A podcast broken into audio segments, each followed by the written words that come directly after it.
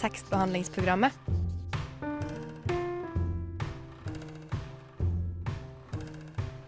Tekstbehandling på radio.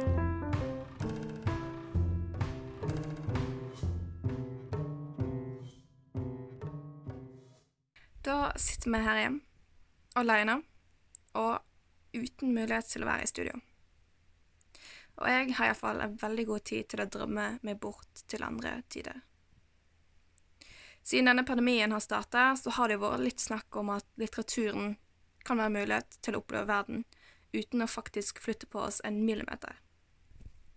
Man kan drømme seg bort i romanunivers, i livet til en romankarakter, eller i møte med grusomme skjebner virkelig bli takknemlig for det livet du lever. I denne sendinga, som blir litt annerledes, så har jeg utfordra tekstbehandlerne Sara og Erik.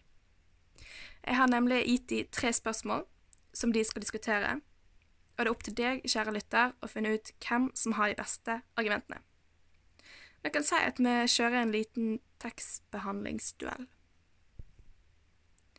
Men før vi går inn på denne tekstbehandlingsduellen, så vil jeg, Alva Namdal Kjensli, i sann tradisjon komme med en litterær anbefaling.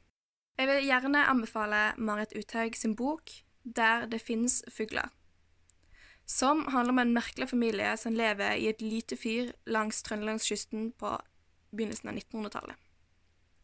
Dette er definitivt ikke en virkelighet jeg vil drømme meg inn i, fordi Uthaug tar oss gjennom mange tragiske og grusomme hendelser, og man får et trist innblikk i hvordan mennesket blir når de ikke får elske den de egentlig elsker.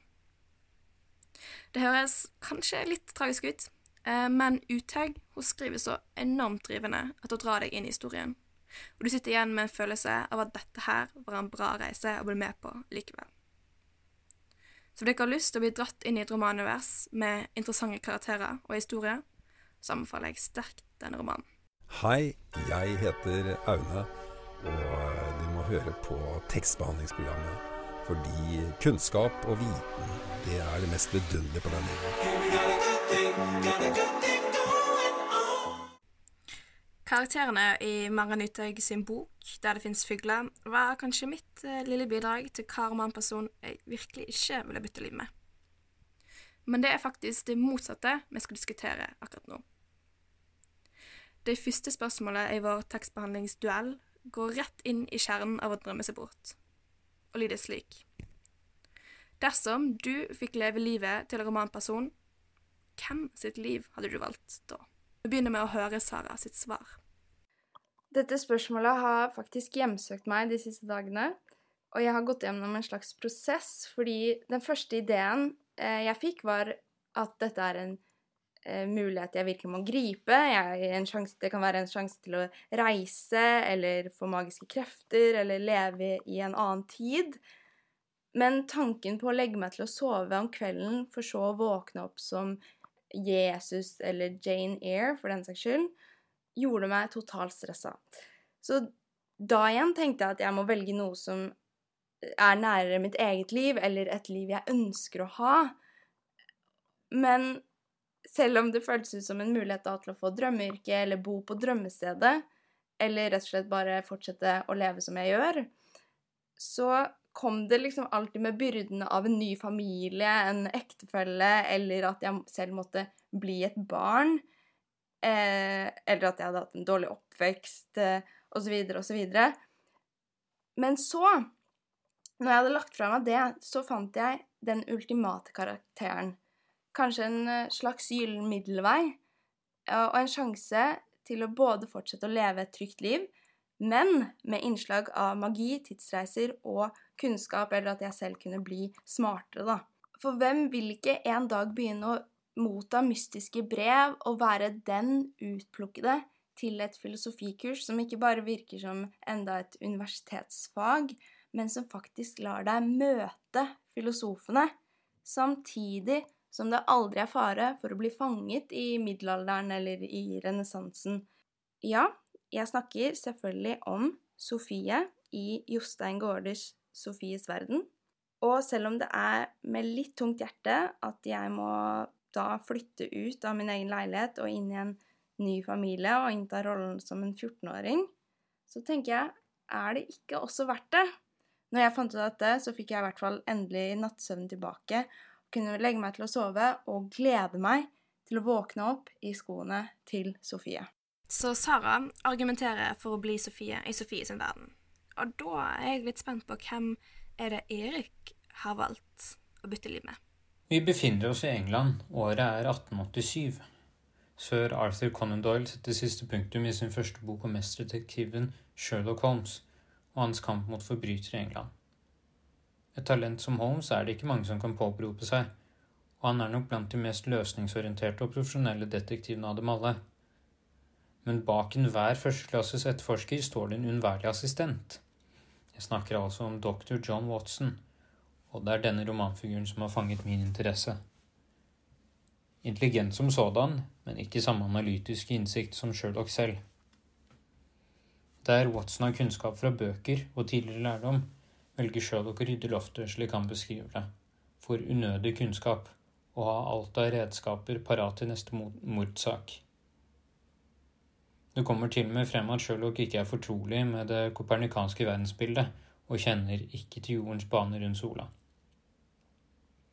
Det er Watson som er fortellerstemmen i bøkene, og han fungerer som en slags bindeledd mellom Holmes' tanker og våre. Det er han som oversetter Holmes' geniale ideer, slik at leseren forstår. På denne måten fyller han ut Sherlock.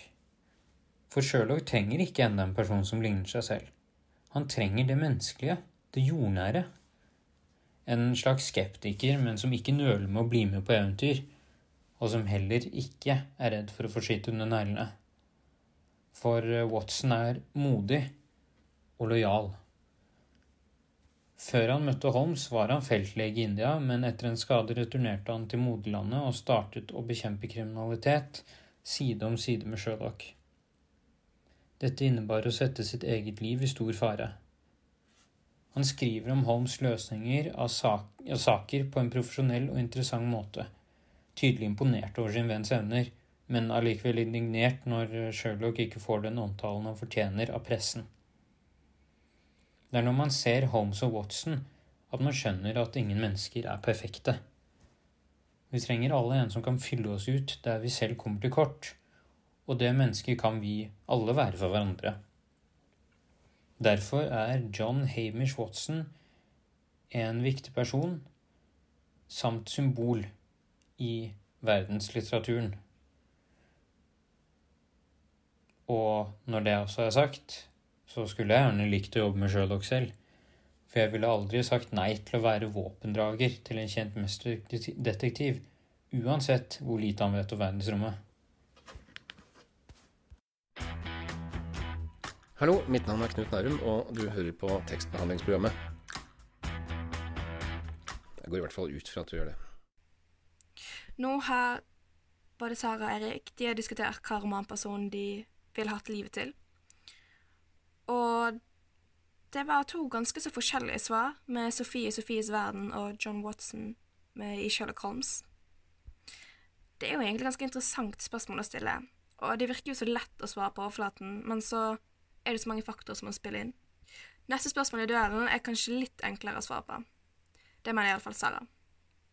Vi er fortsatt inne på det å drømme seg bort, og spørsmålet er hva romanunivers skulle ønske du kunne leve i? Vi begynner å høre hva univers Sara kunne vært en del av.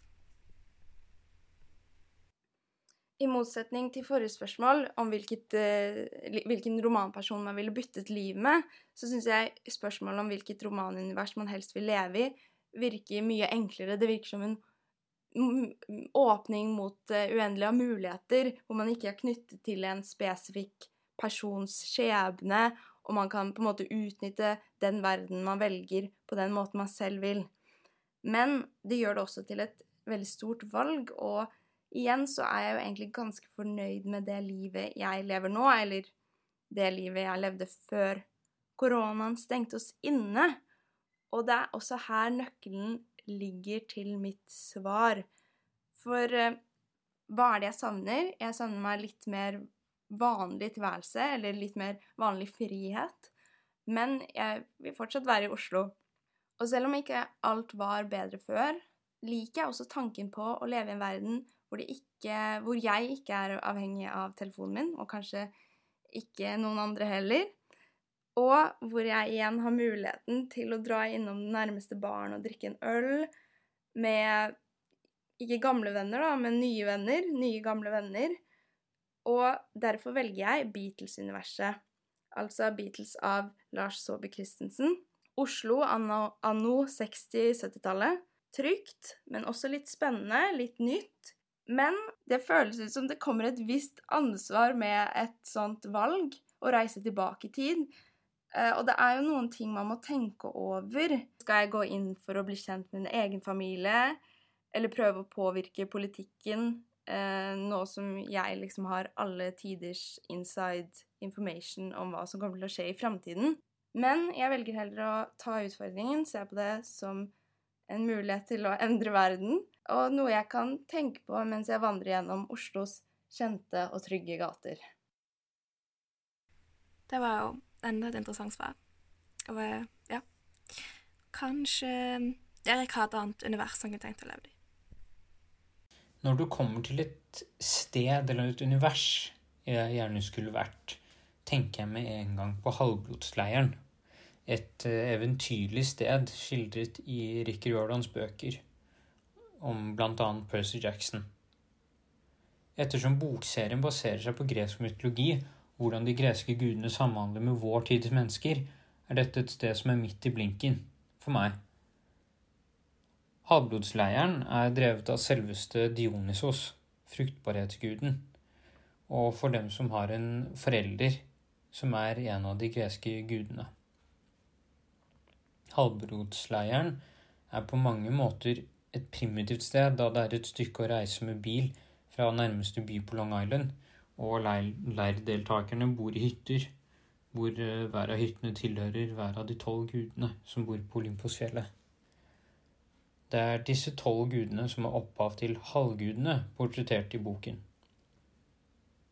I tillegg utspiller campen seg som en alminnelig sommercamp med aktiviteter, men her er det litt andre aktiviteter enn bading og kajakk på timeplanen. Sverdfekting med ekte sverd Fjellklatring over lava og bueskyting er blant noe av det man kan gjøre. I tillegg blir det arrangert regelmessige kamper med Capture the Flag tilpasset halvguder med ekte våpen og episke kamper som følger. Og dette, dette for meg høres ut som et skikkelig fantastisk sted. Først og fremst fordi jeg syns at klassisk historie og antikk kultur er veldig interessant. Og det å lære om både mytologien, men også historien til alle de greske gudene er fascinerende. Og tenk å kunne konversere med dem på ekte. Det hadde heller ikke vært av veien å være med på aktivitetene. Spesielt slåssing med ekte sverd hadde vært moro. For det hadde jo ikke skadet med litt, litt kamptrening. Man vet jo aldri når man må overmanne noen med forhistoriske våpen. Og spesielt ikke som halvgud. På tide å skru på tekstbehandlingsprogrammet. Yndlingssykkelen de siste seks-sju månedene er en enhjulssykkel. Vi har Marie Eibert på besøk. Jeg og Eline. Marie og Bær. Marie og Bær. Jeg tenker alltid at en T slutter med ø, h, h, h, h, utropstegn, utropstegn. Det er bare tekstbehandlingsprogrammet. Nei, det var ikke så mye å si. Da har vi hørt gode argumenter vil jeg si, for hva romanunivers og romanperson Sara Erik skulle ønske de var i. Men jeg tenker det, det, er like viktig og kanskje like interessant å finne ut det motsatte, nemlig hva romanperson skulle du ønske du ikke var. Jeg tror mange unge, inkludert meg, føler at livet er litt på vent, og at den spesielle ungdomstiden løper litt ifra oss her vi sitter innestengt. Men selvfølgelig så kunne det vært verre. Og selvfølgelig så er det så sjukt irriterende når folk påpeker det. Så kanskje det å tenke over hva romanpersonen ønsker å ønske en ikke var, vil gi oss det berømte perspektivet på at livet vi lever nå, kanskje ikke er så verst likevel. Hvilket tiår er du interessert i å ta livet ditt? Hvem vil du helst tortureres av? I hvilket land vil du leve i fattigdom? Vil du ha en elsker eller ikke i ditt ulykkelige ekteskap? Og skal fienden din drepe vennene dine eller familien? Eller vil du heller være vennen eller familiemedlemmet som blir drept? Det er ikke noe problem å finne kandidater til romanpersoner man ikke vil bytte liv med, men allikevel så er det noen skjebner som utmerker seg som litt eh, mer grusomme enn de andre. Så hvis jeg igjen går tilbake til tanken om å legge meg om kvelden og våkne opp, og nå da i en annen persons skrekkelige virkelighet, så tenker jeg at hva ville ikke vært verre enn om også den jeg har valgt, opplever akkurat det samme og selv også gjennomgår en sånn forvandling. Så det er nettopp den doble fremmedgjørelsen eller forvirringen eller håpløsheten, eller kall det hva du vil, ved å våkne opp som Gregor Samsa i Kafka sin Forvandlingen, som skremmer meg aller mest. Det betyr altså å våkne opp som en annen person, som samtidig våkner opp som et insekt, for så å måtte være innstengt på rommet sitt, bli hatet av sin egen familie, vel vitende om at livet går mot slutten. Det er mitt ultimate mareritt, og det gir også et helt nytt perspektiv på koronakarantene. Jeg skjønner den frykten Sara snakker om. Jeg lurer på hvem Erik skulle ønske han ikke var. Å være eller ikke være, spør en av skuespillets mest tragiske prinser seg selv, nemlig Hamlet, prinsen av Danmark. Hamlets skjebne er mørk, og jeg ville ikke engang unnet min verste fiende en slik makaber avslutning på livet. Som ung mann blir hans far, kongen av Danmark, drept av Hamlets onkel og sin egen bror, Claudius. Hamlet blir fortalt av farens spøkelse at Hamlet må hevne farens død. Altså må Hamlet drepe sin egen onkel. Onkelen, som nå er gift med Hamlets mor, venter å bli konge av Danmark når tiden er inne. Dette får Hamlet til å bli rasende, hans temperament og forvirrede følelser preger hele teaterstykket. Først og fremst eh, er raseriet rettet mot sin egen mor, for eh, med den største enkelhet valgte hun å bli sammen med onkelen kort tid etter sin egen manns død. Han ble da også sint på Claudius, en slange av en slektning som ikke viser noen form for anger over sin umenneskelige handling. Bare selvtil selvtilfredshet over å snart herske over sitt eget land. Hamlets ukontrollerte følelser fører til mange ringvirkninger og noen får fatale følger av hans ubalanserte sjelsliv. Når Hamlet ved en feiltagelse dreper Ofelias far, som han trodde var Claudius, fører dette til at hun tar, sin, tar sitt eget liv. Men Hamlets ulykker stopper ikke her. For når eh, Ofelias bror, Lartes, blir fortalt at det er Hamlets skyld at Ofelia og Polonius er døde, blir Hamlets mor offer for et mordforsøk som var tilegnet Hamlet selv. Nå har Hamlets far, mor og kjæreste dødd, og Hamlet har selv blitt forgiftet av Lertes sverd. Det er altså ingen tvil om at eh, Claudius nærmest, nærmest fikk det som han ville, selv om han dør for Hamlets hånd. Og når Hamlet selv faller om, er tragedien fullkommen. Derfor blir spørsmålet for meg om å være eller ikke være ganske enkelt i dette tilfellet nei.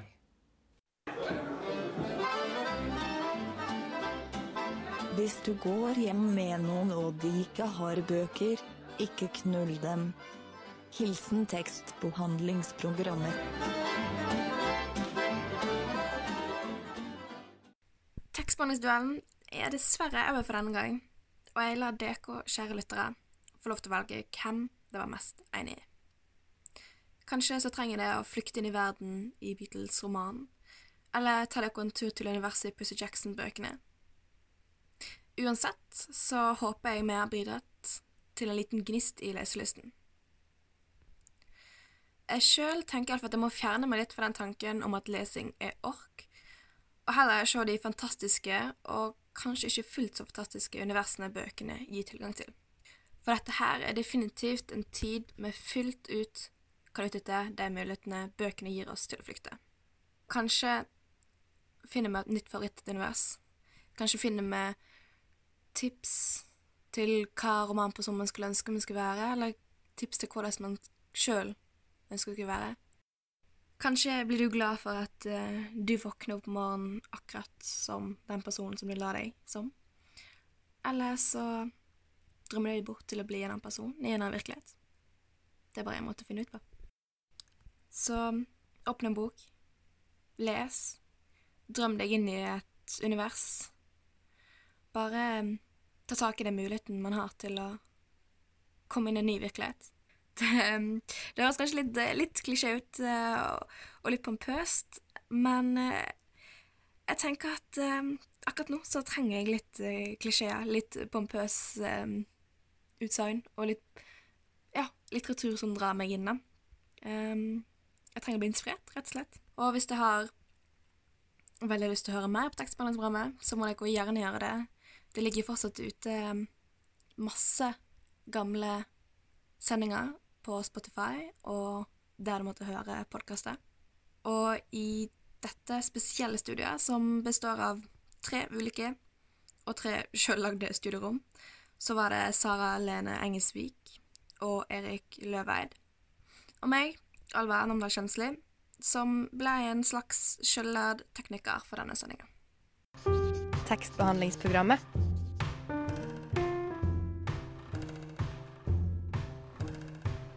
Tekstbehandling på radio.